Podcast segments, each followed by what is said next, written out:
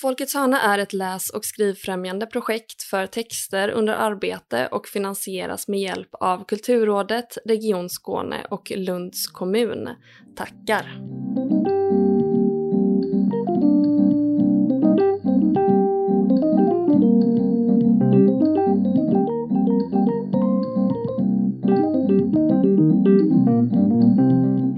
Välkomna till Folkets hörna, en podd om den skrivande praktiken. Mitt namn är Emilia Palmén. Som vanligt så har vi med oss Agnes Stenqvist och idag också Mats Kolmisoppi. Hej! Hej! Du är bland annat författare och litteraturkritiker. Eh, förra året kom din två i ett roman Scener från hovet ut. Eh, den innehåller två mer eller mindre surrealistiska berättelser där den första handlar om två bröder som fostras till monarker i en icke-adlig familj och den senare om en man som dött och genom ny teknologi och kod på ett sätt återuppstår i morgondagens småstad. Eh, hur landade du i att de två berättelserna står bredvid varandra i en bok? Båda berättelserna, det, det, det, enkla svaret är att båda berättelserna utspelar sig i staden Lidköping eh, i. Västergötland. Eh, som också kallas för morgondagens småstad, eller den gjorde det fram tills för några år sedan. Så var det kommunens slogan. Eh, Lidköping vid Vänern, morgondagens småstad. Jag tyckte att det var en ganska bra titel på en novell också. Mm. Men, men det enkla svaret är att jag båda två utspelar sig i någon sorts version av Lidköping. Eh, vad är din eh, relation till monarkin? jag, är, jag, är, ja, jag är republikan, jag är antiroyalist. Eh, jag tycker inte att man ska ha ett kungahus överhuvudtaget. Om man ska ha det så kan de väl få betala för det själva, till exempel. Ehm, eh, och i det här fallet när det var scener från hovet så det, det, blir som en sorts bild för en förfining och bildning som kanske inte har så särskilt mycket med tänkande att göra eller konst och kultur så som man förstår det som någonting befriande eller eh, skönt i bemärkelsen skönlitteratur utan just som förtryckande signaler om, om, eh, om klass och överläge. Så. Mm. Så det var därför som jag tyckte att just ja, men monarkin som, som bild för den sortens bildning var väldigt tacksam att ta sig an. Mm. Jag tänker, kan vi inte stanna lite ändå i de här två olika berättelserna i scener, i scener från hovet? Eh, jag tänker att eh, nu, jag sa det till Emilia, jag är en person som aldrig läser på baksidor heller. Eh, så väldigt länge i den här andra berättelsen så tänkte jag att det var huvudkaraktären från den första. Eh, finns det, tänker du på de här berättelserna som två separata noveller? Eller, och hur, finns det något samspråk mellan dem? Finns det någon mer förutom Lidköping, alltså någon tanke bakom vad, vad de, hur de spelar mot varandra i, när man sätter dem i en och samma bok? Ja, alltså det tycker jag ju. Att den första om man kallar det berättelse, det kan man ju kanske göra då istället för novell eller mm. Det är lite svårt för mig också att genrebestämma mm. vad det är för någonting. Men det finns ju en sorts dramaturgi där man följer en barndom eh, och något sorts uppror och landar hos en väldigt gammal person som dör och börjar om i ett efterliv. Så att det finns ju någon sorts eh, kontinuitet så jag förstår att man verkligen har lätt för att läsa in att det är samma person. Um, och de har ju också stora likheter vad gäller ja, någon slags tonläge eller relation till världen. Hur de ser på världen och hur de rör sig i världen. De är ganska motspänstiga. Mm. Um, även om en av dem kanske är mer lätt att tycka om är väl fel ord. Jag vet inte om det är lätt att tycka om någon av dem. Men, men det, går, det går att sympatisera lite mer med den ena än den andra, mm. tror jag. De har ju också den här likheten att det finns en kursiv röst. Mm. Eh, vill du berätta något om den och tanken eller hur den hamnar i den boken? Ja, eh, jag tror att jag väldigt länge har ställt mig själv frågan vem det är som begär eller frågar efter texter som man skriver. Eh, det är ju ett, en verksamhet som är ganska eh, godtycklig kan man ju kalla den på ett sätt. Om man är religiös så har man ett väldigt enkelt svar. Då, då säger man att ja, men Gud mm. eh, vill att jag ska skriva eller det är ett svar på på Gud. Men om, jag som inte är religiös eh, kommer ju på mig själv ganska många gånger att befinna mig i någon sorts hål av meningslöshet. Alltså vad, vad är det jag håller på med? Eh, och, och då tror jag att den här kursiva rösten blev någon sorts ställföreträdande uppdragsgivare. För jag, jag har gjort så tidigare att jag har skrivit en del noveller där jag har gett andra som jag känner i uppdrag att ge mig uppdrag som jag ska skriva. Mm. Alltså lösa på olika mm. sätt. Någon sorts skrivuppgifter. Um, och haft det som ja, med ett sätt att komma in i texten. Och i det här, i det här fallet så blev det då snarare att ja, men det är någon röst som ställer frågor. Jag är inte riktigt säker på vem det är, var det kommer ifrån. Men jag formulerar de här i skrivandet och så måste den här romangestalten eller novellgestalterna svara på de frågorna. Mm. Det känns mm. nästan lite, vi pratar om att den känns nästan som en terapeutisk röst. Att uh, man två sitter i något slags terapisamtal och ska förklara så här, vad, varför gjorde du så där? Eller hur, hur blev det där då? Eller ljuger du inte nu? Liksom, att det, det känns som att den ja, mm. men, binder ihop de två liksom mm. ja. bearbetningarna. Typ, ja men både en terapeutisk röst men också att den nästan blir rösten hos läsaren. Att det blir något meta mm. eh, i den. Att eh, man själv känner att den frågan vill jag själv ställa texten. Eh, varför eh, lagar du så mycket ägg hela tiden? Mm. Eh, och att man, man blir påkommen själv som läsare. Att texten är ett steg före en nästan. Ja. Ja, nej men jag tror att det är, så kan man, tänker jag också att man absolut kan läsa det. Att då, då blir ju svaret på varför texten uppstår. Eh, ja, att det finns en läsare som, som mm. inte bokstavligen har bett mig att skriva den, men som ändå förhoppningsvis läser. Mm. Eh, så, men eh, verkligen, ja, terapeut, ja, i vissa fall så är det en terapeutisk röst kanske. Mm. När du ska, du nämnde nu det här med att du brukar be folk ge dig uppdrag eller som skrivuppgifter eller sådär. Är det så som du kommer till dina berättelser eller är det via research eller? Eh, det är jätteolika för olika böcker. Mm. Alltså det där, när jag gav människor i uppdrag att ge mig uppdrag, det var den förra boken som jag skrev som hette Undantagen, en novellsamling. Um, nu kommer jag inte ihåg om, jag tror inte att alla noveller är just uppdragstexter, men ganska många av dem är ge mig ett par rader i ett uppdrag så ska jag lösa det. Och så bestämde jag mig för att jag skulle göra våld på det där uppdraget. Att eh, skriva så och så många dagar eh, hade jag avsatt. Och, eh, men, men, försöka komma så långt ifrån det som möjligt. Alltså inte sådär skriv om eh, eh, sexuell utforskande i ungdomen. Kanske det var någon som skrev eh, mm. till mig eller så. Och då blev det någon surrealistisk krigsscen i skogen med ungdomar mm. så, istället. Mm. Nej, men det, det, jag har försökt att inför varje nytt skrivprojekt eh, ha någon annan fråga eller något annat sätt att göra det på. Så. Um. Men det, och det är för att komma in i berättelsen men sen så tar den dig lite vart den vill, typ? Eller om jag Så är det. Alltså jag, jag, jag, skriver nästan, nästan aldrig med någon större plan, utan det är skrivandet i sig som föder fram berättelser. Mm. Eh, som en sorts improvisation. Och det är inte alltid det funkar, men jag, men jag märker att om jag börjar ha ett alldeles för stort material och ska göra research så blir det ett eh, 9-5 jobb där man ska sätta ihop pusselbitar och så dröjer det inte länge innan texten är stendöd och mm. tråkig. Och då tänker jag att då, då blir det samma sak i läsandet av texten, att den blir jättetråkig. Um, det finns ju tyvärr sån litteratur som är, kan se, se jättebra ut men ja, den fattas ger inte någonting. så mycket. Det fattas mm. någonting. Eller det kanske är det att mödan eh, lyser igenom alldeles för mycket. Att det, ja, det har varit en dag på kontoret. Mm. Mm. Hur ser dina skrivdagar ut istället då? då? Jag skriver väldigt eh, sporadiskt. Jag, jag, skriver inte på heltid och inte 9 till 5. Eh, jag skulle vilja skriva mycket mer än vad jag gör. Eh, men, men jag sätter mig ganska tidigt på dagen och, och, och, skriver. Som idag så försökte jag skriva vidare på en novell. Um, och kom kanske en och en halv sida in. Och jag är helt osäker på var det ska landa eller Mm. vad det ska bli.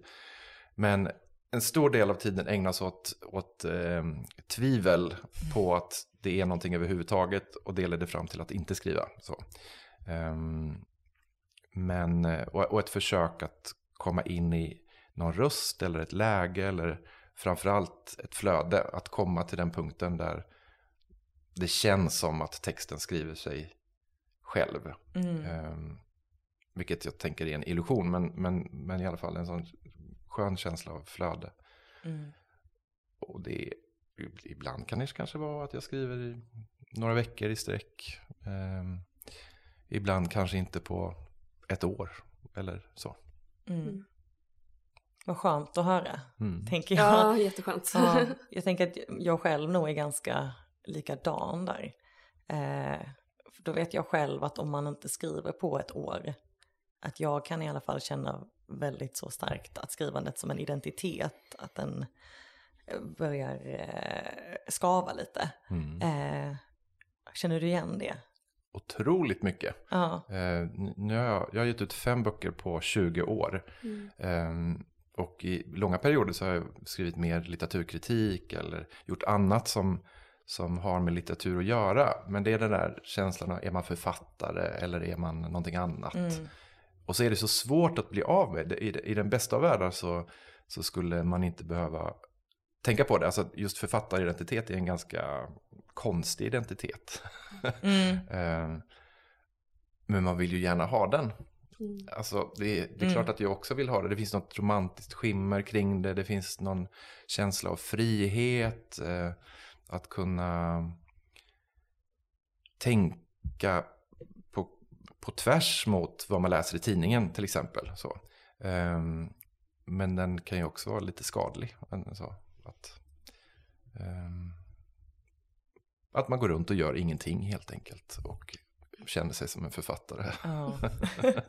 Det funkar för vissa. Det, jag tänker det, det finns något sånt där. Jag kan inte det exakta, men Dag Solstad, den norska författaren, pratade någon gång om en av sina romaner att det var i, i hans fall så var det författarens privilegium att gå omkring ett halvår och bara leta efter början på en berättelse. Eller en episod eller en scen. Mm. Ehm, och då finns det den här kända scenen där en, en, en gymnasielektor går på en norsk gata och försöker få upp ett paraply. Eh, som är en jättebra romaninledning. Men han lyckas ju skriva massa böcker ändå. Sådär. Man måste ju arbeta eh, Ja. för att det ska bli någonting. Men, men det, det, är ju, det är väldigt förföriskt och lätt att hamna i det där andra. Att nej men jag skriver när jag går i affären. Men det gör man ju inte. man skriver ju när man skriver. Ja. Mm. Mm. Men just nu, skriver du på någonting? Ja, jo, jag skriver på någonting. Jag är inte så... Ingen aning om vart det kommer att ta vägen. Eh, och det går långsamt, men det går långsamt framåt. Mm. Ehm, och det har lite mer med... Jag har hamnat i det läget att ja, jag gör ändå en del research. Men den researchen kanske handlar lika mycket om att läsa författarskap som jag själv tycker om. Ehm, och försöka att se hur olika, framförallt prosaförfattare, eh, har löst sina problem. Eller så, Mm. så kan jag säga. Är det det här som vi fick höra på Folkets hörna när du var där då? Ja, Eh. det, det, det är utgångspunkten. Mm. Att, att skriva om en stad Mm. i, i, i USA. Jag är ännu inte säker på om det kommer att vara en, i romanform eller om det är noveller eller om det är någonting annat hybridmässigt. Men, men utgångspunkten är staden Centralia som 1962 började brinna när de satte eld på soptippen. Och elden spred sig till gruvorna under staden. Och det brinner än idag. Och det är någonting med den där bilden av eh, ja, nästan ett bokstavligt helvete som, som existerar under en liten amerikansk stad som är ja, otroligt lockande. Mm. Mm. Väldigt filmiskt. Det är väldigt filmiskt. Mm.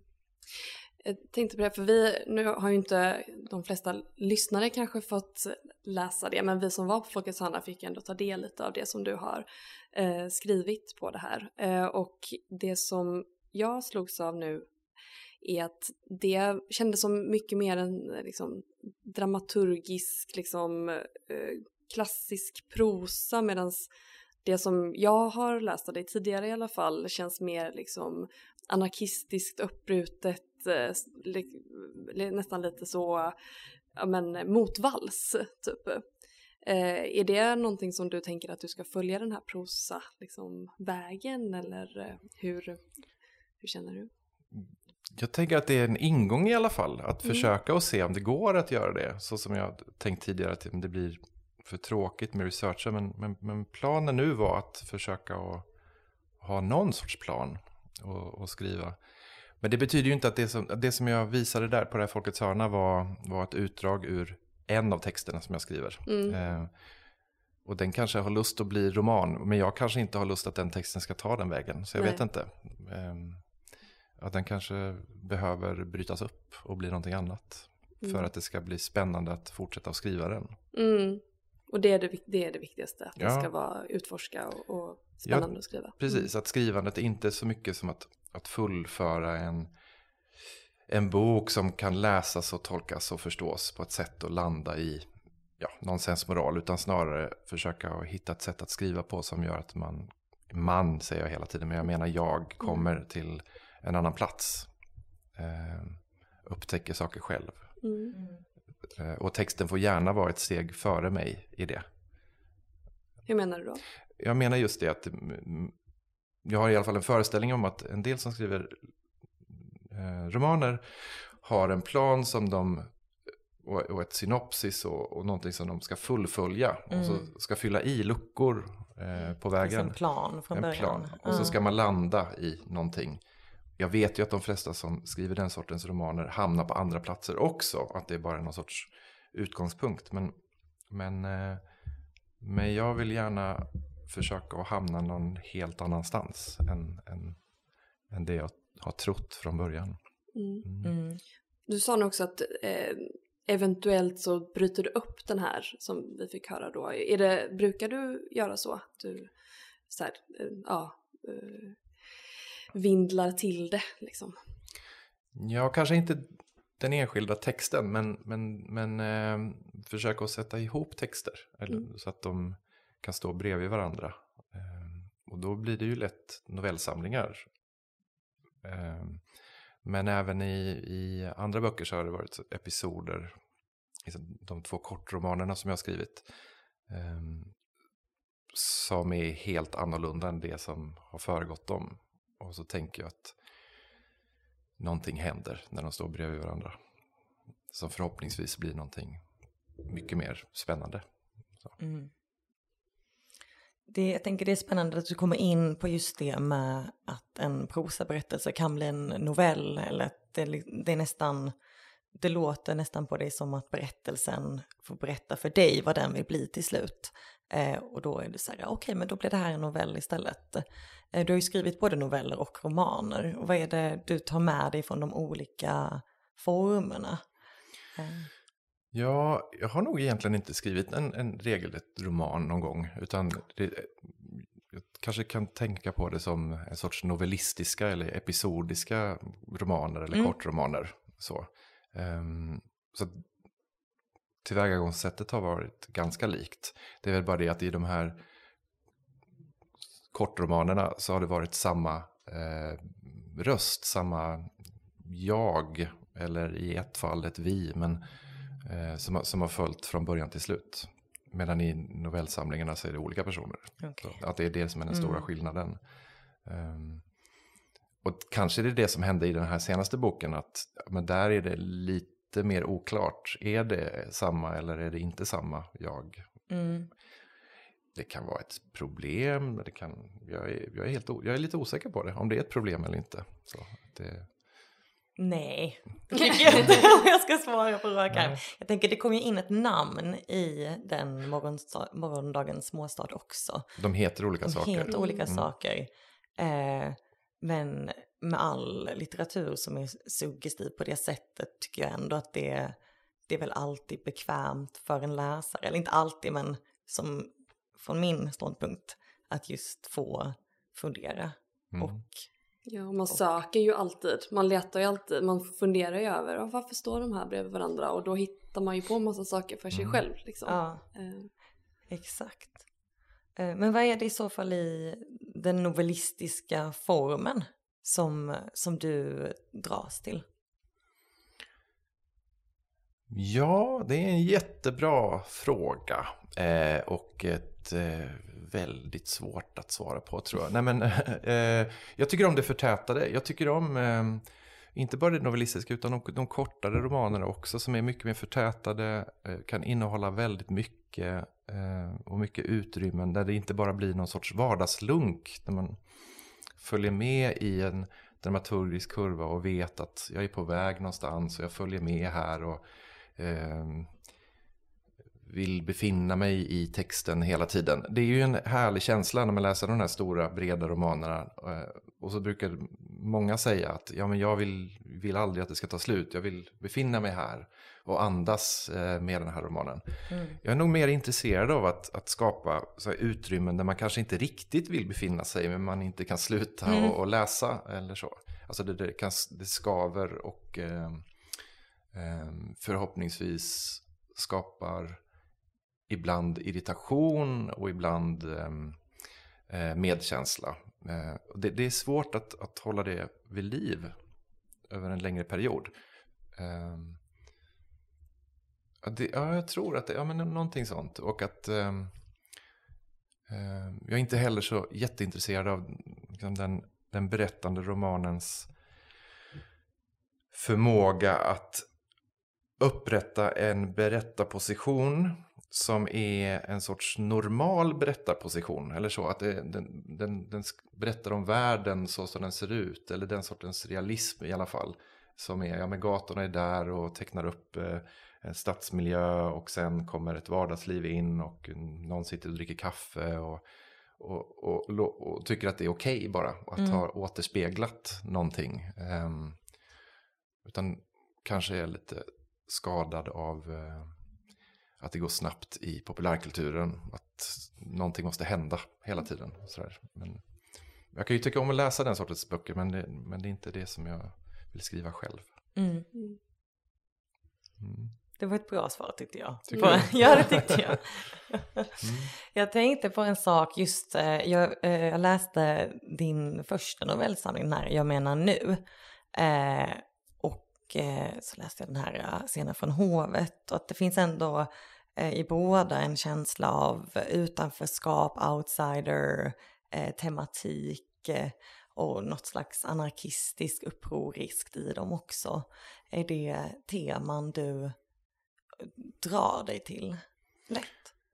Ja, jag brukar tänka på det som att det är eh, ilska som, som finns i, i skrivandet eller som jag försöker nå fram till. Mm. Och, och, ilska som skapande kraft.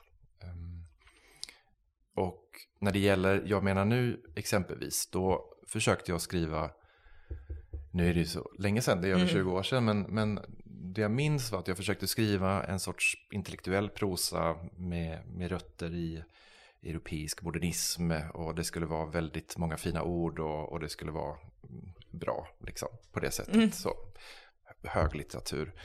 Och, och det blev trögare och trögare och trögare och till slut så hade jag skrivit en, en text som handlar om två personer som satt innestängda i en lägenhet i Göteborg och texten höll på att bara beskriva allt som fanns i lägenheten. Mm. Eh, krukor och glas och bord och och, och, till slut gick det så långt att den stannade kvar i lägenheten när huvudpersonerna gick ur lägenheten och bara fortsatte att beskriva tills de kom tillbaka och sådär. Um, det var väl okej okay, visst av det, men det, men det kändes så här, men det här är ju en, en jätteåtervändsgränd. Uh, och då, då blev jag jättearg på mig själv och på, på texten och skrev väldigt snabbt och utan att tänka och försöka hitta någon sorts drivkraft som är annan än att vara var duktig, som jag nog försökte att vara. Mm. Eh, och då blev det mycket mer talspråkliga texter eh, som kunde ta in mer samtida referenser. Eh, och så insåg jag att men det finns ju också någonting politiskt i det. Då vill jag väl, väldigt gärna skriva politiskt. Men det politiska i det var att ja, men den sortens litteratur som jag själv hade läst och försökte efter, eh, eller härma.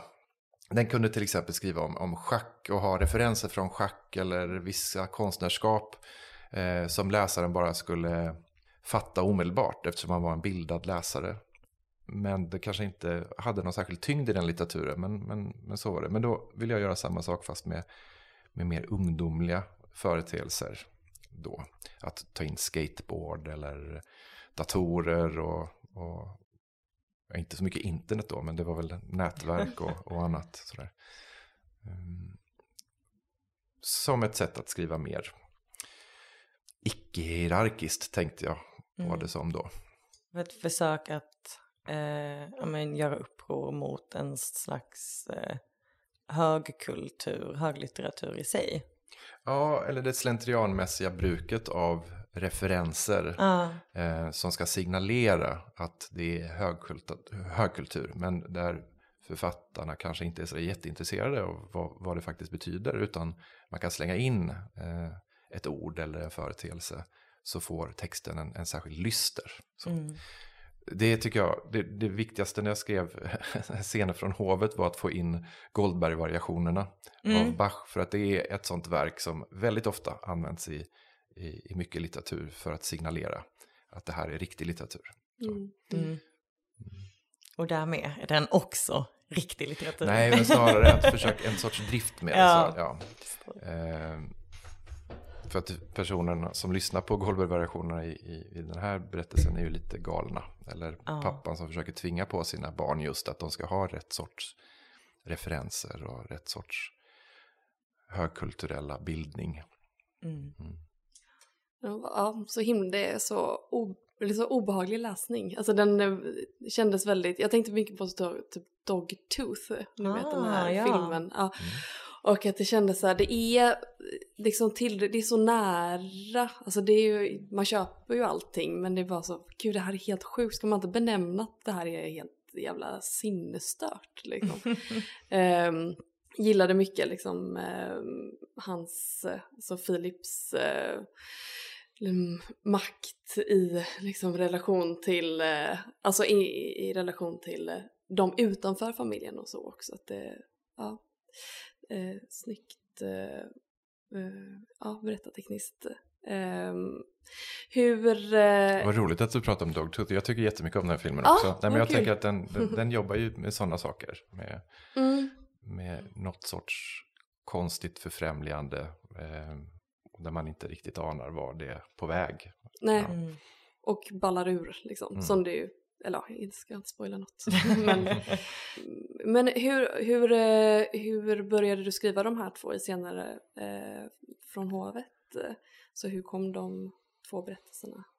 Alltså det, det, det har jag lite svårt att dra mig till minnes eftersom jag har skrivit dem under väldigt många år. Jag tror jag började skriva den första texten 2015 eller någonting sånt där. Eh, kan ha varit tidigare också. Och genom åren försökt samla på mig texter till det jag trodde skulle bli en novellsamling. Ehm, och långsamt, långsamt, långsamt så producerade jag material som det kändes som att jag, det, jag är väldigt osäker på vad detta ska bli. Och sen så insåg jag att ja, men det var egentligen bara de här två berättelserna som var någon sorts embryon mm. som eh, hade den energin som jag ville skulle finnas eller som kändes rolig att gå in i och befinna sig i för mig själv. Um, Ja. Mm. Hur har det varit? Jag har tänkt på det för att jag, jag, själv har ju varit så, och vi har ju pratat om så, varför står de här två berättelserna bredvid varandra? Men om det är en novellsamling så tänker man ju inte så mycket, alltså då tänker man ju på det såklart, men man mm. tar det på ett, på ett annat sätt. Men just att det är två ganska långa berättelser som står bredvid varandra känns som att det är typ lite svårt för läsaren att, alltså som att det är ett nytt koncept typ. Hur har mottagandet varit? Eller är det bara så köpa rakt av? Ja, jag är osäker på hur mottagandet, hur menar du med mottagandet? Jag, jag, jag ja, men just i, eh, i och med um, formen. Mm. Uh, alltså att de här två berättelserna som är, man kan kalla dem långa noveller liksom. Mm. Och att de uh, står bredvid varandra. Uh, har, har det varit några kommentarer kring liksom formen? Menar du hos kritiken? Eller, de som Mm, ja, eller eh, läsare som du mm. möter eller? eh, Jo, det har det. Alltså Mm. jag har, jag har eh, alltså både bland kritiker och, och människor som jag känner som har läst och människor som har pratat så har det varit en väldigt stor uppdelning att en, en sida som tycker att den ena texten är jättebra Mm. men den andra var inte så bra. Mm. Och några som tycker precis tvärtom. Att den andra texten den var ju jättebra men den var ju väldigt fånig den här första. Så, så det, men det är någonting som, som gör att man, man tvingas välja sida tror jag. Vad det är som man vill befinna sig i som, som läsare. Och det beror ju jättemycket på att jag tror till exempel att ja, men den andra texten som är lika viktig för mig som den första den är lite kortare men när man som läsare går in och börjar följa då Filip och det som händer så är det ju lite svårt att ställa om till den här andra. Alltså det, det blir lite suddigt. Så jag kan förstå att den blir knepigare än om den skulle ha stått på stått först till exempel. Eller stått på egna ben. Men, eh, men jag tycker det är spännande. Alltså jag tycker det, det är någonting som händer. Man tvingas liksom tänka kring de där frågorna. Ehm, Ja, det känns som att det passar ditt eh, sätt att skriva på också. Mm. Att det är lite, att det, ja, men som sagt att det känns eh, anarkistiskt i, i, i eh, brist på bättre ord. Liksom. Mm. Ehm, mm. Jag tänkte på för min egen del, känns som att jag går mycket till mig själv här idag. Men ehm, när jag skriver själv, att jag är, har märkt att jag fastnar väldigt mycket i namn. Eh, som, en, som en startpunkt i mitt skrivande. Att jag, jag minns till exempel att jag såg en eh, internetreklam eh, där det stod eh, klä- köp kläder till det kaxiga gullet. Och att jag bara blev helt galen i kaxiga gullet och började tänka på kaxgullet och vem är kaxgullet och jag måste skriva om kaxgullet. Eh, har du någon sån grej, någonting som är liksom någon inspirationsstartkälla hos dig när du skriver, något som triggar igång dig? Ja, det är väldigt många olika saker. Ja. Eh, en gång så, jag, jag kommer så jättetydligt ihåg när jag skrev eh, den romanen som heter Ryttlarna. Och då hade jag läst, Bakhåll gav ut Kafkas eh, kortprosa. Mm. Och så hade de eh, översättarens anmärkningar i slutet i en notapparat. Och inför varje sånt här lite kort prosastycke så skrev de väldigt, väldigt långt och vad det, hur man kunde tolka det och eh, vad den först hade publicerats. Och så finns det ett litet stycke som heter Önskan att bli indian. Eh, och som är lite ja, indian, cowboy och indianlekar. Eh, och det, det enda som de hade skrivit i notapparaten var Önskan att bli indian kan inte dateras. Mm. Eh, och då tyckte jag, men det där är en jättebra mening. Den där måste jag ju bara sno rakt av. Så då blev det ett helt kapitel i den boken som började så. Önskan att bli indian kan inte dateras, komma, men. Och så fortsatte det. Eh, så dolda citat, ehm, situationer såklart. Namn, jättetacksamma. I, I den senaste boken så, där är inte namnen en utgångspunkt. Men jag blev väldigt upptagen av att huvudpersonerna ska ha namn som på olika sätt har med kungar att göra. Eller som kanske betyder kung eller som kungar har, har burit. Ehm, så det binder faktiskt samman både den första och andra berättelsen också. Mm. Så. Mm. Ehm, men ja, nej, men det är ju jättebra utgångspunkter. Alltså bara hitta, Mm. man, kan, man kan hitta vad som helst Mm. och snöa in på. Och, Verkligen. Och göra någonting av. Hur är du sen, är du i liksom skrivprocessen, är du någon som går in mycket och redigerar i efterhand eller eh, låter eh, du skrivet stå? Jag redigerar jättemycket under tiden som jag skriver. Alltså Mm. varje gång jag går tillbaks till en text eller ska fortsätta att skriva på en text så det, det är lite dumt. Men jag, jag kan inte skriva ett ord till innan jag har läst det jag har skrivit. Och under tiden jag läser det så ändrar jag, ändrar, ändrar, ändrar. Det passar ju noveller bättre Det än passar bättre. roman. Ehm, men, men när jag väl har skrivit eh, färdigt en text, det, det är aldrig så att jag går tillbaks och skriver om allting från början eller någonting sånt. Utan Mm. snarare kastar jag texter då. Att nej men den här höll inte. Att det som är det viktiga för mig är att det ska finnas någon ton eller någon spänning som håller hela vägen. Mm. Eh, och sen kanske det är mindre viktigt att det blir helt putsat och färdigt den texten. Men andra texter som kanske ser bättre ut på ytan och, och har ett språk som ser okej okay ut men där det inte finns någon spänning. Då till slut så blir det så att jag bara deletar. Ja. Men kan, man se, kan du se det direkt? Eller? Nej, nej det, jag tycker det är svårt. Det är... Alltså jag menar direkt när det, när det är klart eller låter du det vila lite? Eller, eh, jag, tänker, jag var så rädd för att liksom kasta någonting som man sen är så, men det där kanske hade någonting. Så är det. Eh, mm. Jag har nog säkert kastat någonting som egentligen inte borde ha kastats, men det är inte så farligt, tänker jag. Oh,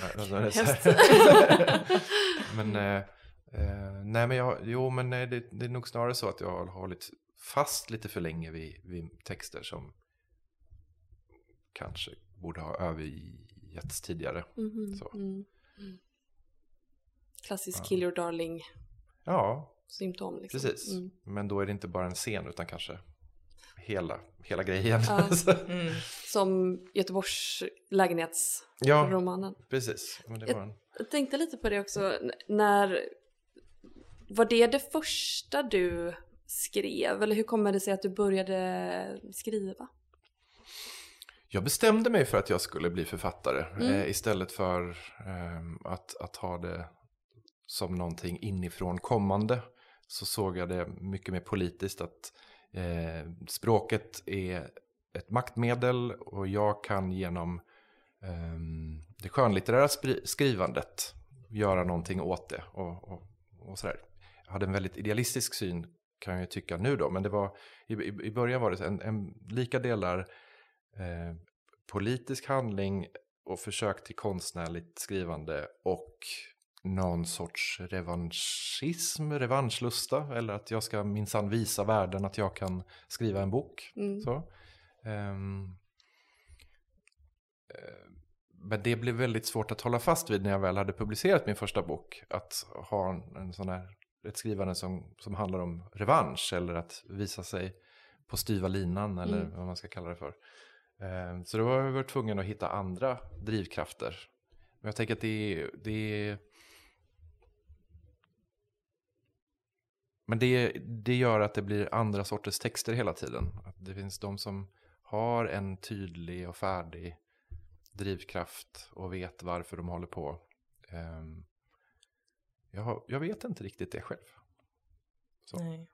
Det är väldigt många olika dunkla motiv är jag medveten om som, som finns också. Så, mm. Som har att göra med det här att men ja, men jag vill vara författare, mm. jag vill vara detta och sådär. Men det är klart att det har att göra med en känsla av att komma till en plats när det allting funkar så är det det absolut roligaste man kan göra. Så att, att hitta lusten och, och leken i skrivandet. Eh, Mm. Mm. är väl en drivkraft. Ja, jag tycker i alla fall utifrån att det verkar, alltså min fördom, så verkar det som att du utforskar språket. Att det känns väldigt eh, ja, men lustfyllt och, och utforskande. Liksom. Ja, jo men jag tycker att det är lustfullt och utforskande, att de texterna som jag har publicerat. Mm. Men det är skillnad på dem och eh, de texterna som jag har skrivit. Ja, såklart. Eh, mm. Så att det är hela tiden ett försök att komma fram till den punkten där det kan, kan, kan få vara det. Mm. Eh, där allt kan få plats. Och jag vill gärna att det ska vara att det kan få finnas eh, känslotillstånd som, som ofta inte får plats i den svenska litteraturen. Som ilska till exempel. Alltså när den till och med kan anklaga läsare och slå åt alla håll och kanter och sådär. Eh, det är ju intressant när man går på skrivarkurser så är det många som säger att man får inte vara, nu blir det lite för bittet eller nu blir det lite för, um, ja, åt det ena eller andra hållet. Men det är ju giltiga litterära utgångspunkter, tänker jag. Mm. Som man kan försöka sig på. Mm. Har du fått höra det? Nej, men jag har försökt. Kanske inte om de texterna som jag själv har skrivit. Men jag, jo, men jag har hört eh, på, jag har själv sagt på, tror jag, på skrivarkurser och sådär att ja, men är den här, den här bitterheten som finns här, är det en bra utgångspunkt Mm. verkligen? Eller så? Eller är det, är det inte bättre att försöka att ha ett perspektiv där man kan se människan i hela sin komplexitet och försöka Mm. gestalta en person utan fördomar eller eh, ja, så vidare. Allt det där är, är ju relevant och giltigt i, i skrivandet. Det tycker jag att man ska, ska försöka att eftersträva. Men det är jätteroligt att skriva jag-berättelser särskilt, där personerna som, som talar har en helt annan syn på, på världen. Och, Mm. och kanske hatar betydligt mer än vad jag själv gör. Men att, att gå in i det eh, och skriva den texten, Mm. det går ju emot lite grann den där andra bilden av skrivandet som ett sätt att förstå människan. Ja, men då kanske man kan förstå människan inifrån då. Men, Mm. ehm, Hur ser en riktigt, riktigt eh, bra skrivdag ut för dig? Då har jag kommit väldigt långt in i skrivandet och vet vad det är jag håller på med tillräckligt mycket för att det ska uppstå text och att det ska vara roligt att se vad som händer. Mm. Ehm, och att det inte leder till att jag ehm, raderar allt det skrivna. Så. Det är en Mm. riktigt, riktigt bra skrivdag. Och den har suttit en Suttit från tidigt på förmiddagen till kanske 6-7 på kvällen. Så. Mm. Då är det ju en, en känsla av att, att, ha, att tiden har upphört. Ja. Mm. Mm. Blir det klapp på axeln? Ja, eller det är kanske det där, det- är nästan, det är då det är som att ha varit med på en fest istället. Så man behöver ju ingen klapp på axeln då. Där, klapp på axeln är väl kanske då de gångerna när man sitter och det inte blir någonting. Eh, men det jag säger till mig själv, men nu har du i alla fall suttit här i Mm. fyra timmar. Så. Mm. Men din strategi annars att liksom försöka ordna det så att det, det är roligt och utforskande så att det slipp, man slipper ha de där och nu är det bara jobbigt och tråkigt att skriva. Ja, Mm. ja faktiskt. Mm, Alltså jag, jag vet att det är väldigt, väldigt många andra författare som skulle säga så här, men det är en stor del av skrivandet att man sitter och jobbar och Mm. jobbar och jobbar och man kommer ingen vart och, och till slut så kommer det. Ehm, jag skulle gärna vilja vara en person som sitter och gör det och, och når fram till det där.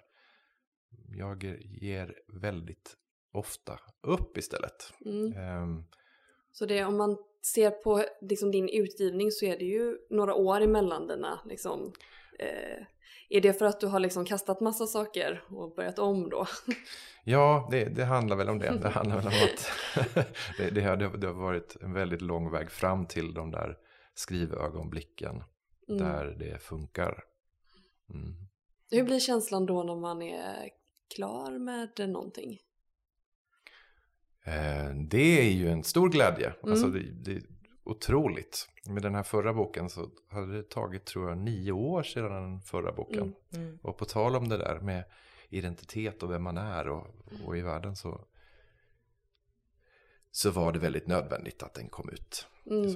För dig själv? För mig själv. Ja. Ehm, ja, och samtidigt, för, för en viss sorts um, fåfänga såklart. Att nu, nu kunde, jag, jag lyckades skriva ytterligare en bok. Mm, nu förtjänar jag epitetet igen. Precis, Ja. om det. Exakt. Ehm, men när det inte har gått att skriva och när det inte har blivit eh, böcker så har jag ju ändå jobbat med litteratur hela tiden. Mm. Mm. Och det tänker jag är en lika viktig del av att befinna sig i text och litteratur som det faktiska skrivandet. Mm. Så, så att det är bara det att jag tror det att när eh, min egen fåfänga, mina egna ambitioner blir tillräckligt starka, då lyckas jag skriva ytterligare en bok. Mm. För att jag vill vara med själv, inte bara eh, läsa andras litteratur. Så. Eh, men det andra är ju fruktansvärt roligt det med. Mm. Att läsa himla massa litteratur och eh, skriva om det och få betalt för det. Mm. Och på olika sätt försöka att klamra sig fast i litteraturvärlden så att ja, man kan betala hyran. och Ja, det är alltid en Mm. trevlig grej att Mm. kunna. eh, jag vill också bara igen gå tillbaka, jag tycker det är så spännande det här du pratar om. Eh, behovet av att kanske förstå eller känna en drivkraft. Mm. Eh, men kanske främst att förstå vad är min drivkraft, varför skriver jag? Eh, den verkar otroligt eller, återkommande för dig och viktig för dig att, att eh, benämna den eller att förstå den. Eh, och om jag förstår det rätt så ändras den också, vad det är. Mm. Eh, är det, hur, hur mycket påverkar den dig? Den här drivkraften eller kanske ibland förlusten av drivkraft? Eh, den, den, den, påverkar mig jättemycket. Förlusten av drivkraft gör ju det verkligen. Mm. Eh, men de, de försöken att hitta vad det är som är det viktiga i skrivandet och litteraturen eh, kan ju vara krävande och plågsamma men eh, kanske hör det till själva skrivprocessen. Om det finns andra saker som inte hör till skrivprocessen som att eh, intala sig själv att ja men nu när jag sitter eh, på den här båten ut till skärgården, ja det är skrivande eller så här. Men, men, men just det där eh, ständiga tänkandet kring texten och, och, och, varför jag skriver eller varför jag inte ska skriva eller varför jag ska skriva. Um, ja, men för mig är det oerhört grundläggande. Alltså det är det är inte en fråga som jag kan ha i själva skrivandet när jag sitter eh, framför datorn. För då blir det ju bara stumt allting. Men, men emellan och försöka komma fram till eh, vad det är som jag vill försöka utforska. Då. Eh, det är superviktigt. Mm. Och den skiljer sig också då från liksom skrivprocess till skrivprocess. Ja. Och bok till bok. Ja, text till text. Ja. Mm. Verkligen. blir någon slags nästan eh, att hitta en poetik för varje text nästan. Mm. Ja. Det tycker jag man kan säga. Eller att varje text är sin egen poetik. Mm. Så. Ja, mm. vad fint. Men svårt, ja det... Tänk att det är den jobbigaste grejen med att skriva överhuvudtaget. Att man hela tiden behöver ställa sig just den frågan. Eh, jag kände också som du sa i början att man nästan önskar att man var religiös. Så att ja. man hade, har det här enkla svaret. Ja. ja det är nog väl, jag, jag, jag måste ju korrigera mig själv. alltså, att vara religiös skulle nog innebära eh, en helt annan sorts tvivel mm. på skrivandet. Men just i, i det fallet, vem är det som vem är det som begär eller frågar mig efter den här texten eller så här, då, då, då, finns det ju inga svar om, om jag inte är religiös. Det finns, finns ingenting utan, utanför mig själv. Ja, det, ja, visst, man kan säga att det finns förlag eller det finns läsare och så vidare, men det finns inget högre mål med det eller så. Um, utan det måste jag uppfinna mm. varje gång för mig själv. Det blir jobbigt då att man alltid ska motivera sitt, sitt eget arbete hela tiden. Mm. Liksom. Jag tänkte på det också, just du säger att du jobbar med litteratur emellanåt, liksom, eller hela tiden och att det är en också på något sätt en del utav skrivande. Eh, tycker du, finns det en risk med att det bara blir arbete eller är det också att eh, läsa är kul? Att det bara får stå för sig själv liksom? Eller är det alltid en del utav någonting, en, en högre, ett, hö, ett högre syfte eller vad man ska säga? Du menar att läsa eh, skönlitteratur ja. eh, i en yrkesroll? Ja, nej, men det är väl både och hela tiden. Eh, ibland de senaste åren så har jag varit med i en liten grupp som läser böcker för Kulturrådets räkning och bestämmer vilka som ska få stöd och komma ut på biblioteken. Och då har det varit otroligt mycket läsning. Eh, och det har ju varit lite grann på löpande band att läsa böcker. Samtidigt, när det har varit någon, någon bok, en diktsamling eller roman som har varit riktigt, riktigt bra så har det ändå gått att koppla på att det här är, är viktigt på allvar, det är meningsfullt. Eller det, är så, det är så himla bra litteratur att det spelar ingen roll att det är, det är en yrkessituation eller så. Men det är klart att man, jag, får, jag har fått en lite annan bild av vad litteratur är mm. genom åren än jag hade från början. Hur då? Ja, men då tänkte jag att det bara fanns kanske en genre som tilltalade mig. Eh, nu är det ju som att ja, men litteraturen är, det är så många olika sorters litteratur. Det är litteraturer i plural. Eh, och måste förstås på, på olika vis och läsas på de sätten som genrerna eller utgångspunkterna förtjänar. Mm. Men en annan insikt är att alla behöver inte befinna sig på alla platser samtidigt heller. Alltså det, är så här, för, det är det jag menar med att jag försöker nu läsa bara sånt som jag själv eh, är intresserad av. Mm. Inte det som är, det här är jättebra litteratur, det måste jag läsa. Utan jag tänker, det här är jättebra litteratur, det behöver inte jag läsa. Mm. Jag kan läsa annan jättebra litteratur. Så. Det var så svårt att veta mm. innan. Ja, det är jättesvårt. alltså, det, det som är lite jobbigt. Ja.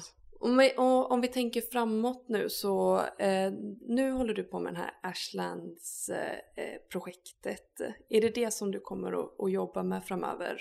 Ja, det är det som jag ska jobba med i år. Mm. Eh, åtminstone.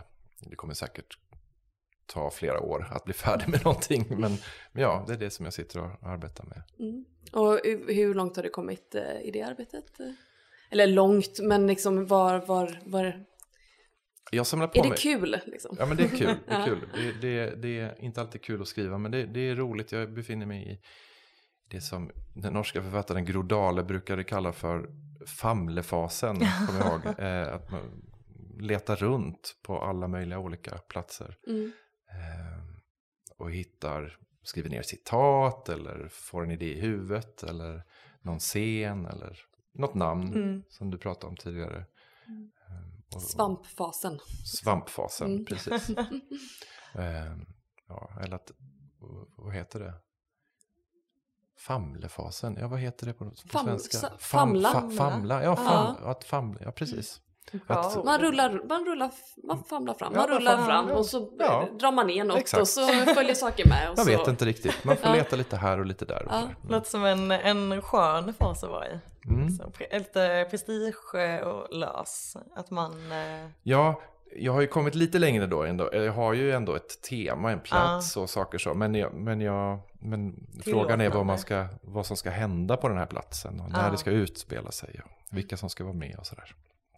Ja, väldigt spännande. Vi mm. ser fram emot att läsa det. Mm. Eh, tack för att du ville vara med oss här idag. Eh, har du någonting som du vill tillägga innan vi lägger på? Nej, tack så jättemycket för ett trevligt samtal och tack för själv. Eh, väldigt fina frågor. Det var tack kul att prata med er. Bra, det tycker Detsamma. vi med. Eh, och vi säger som vanligt tack till Klara som klipper vår podd och tack till alla som har lyssnat. Hej då för idag. Hej då. Hej då.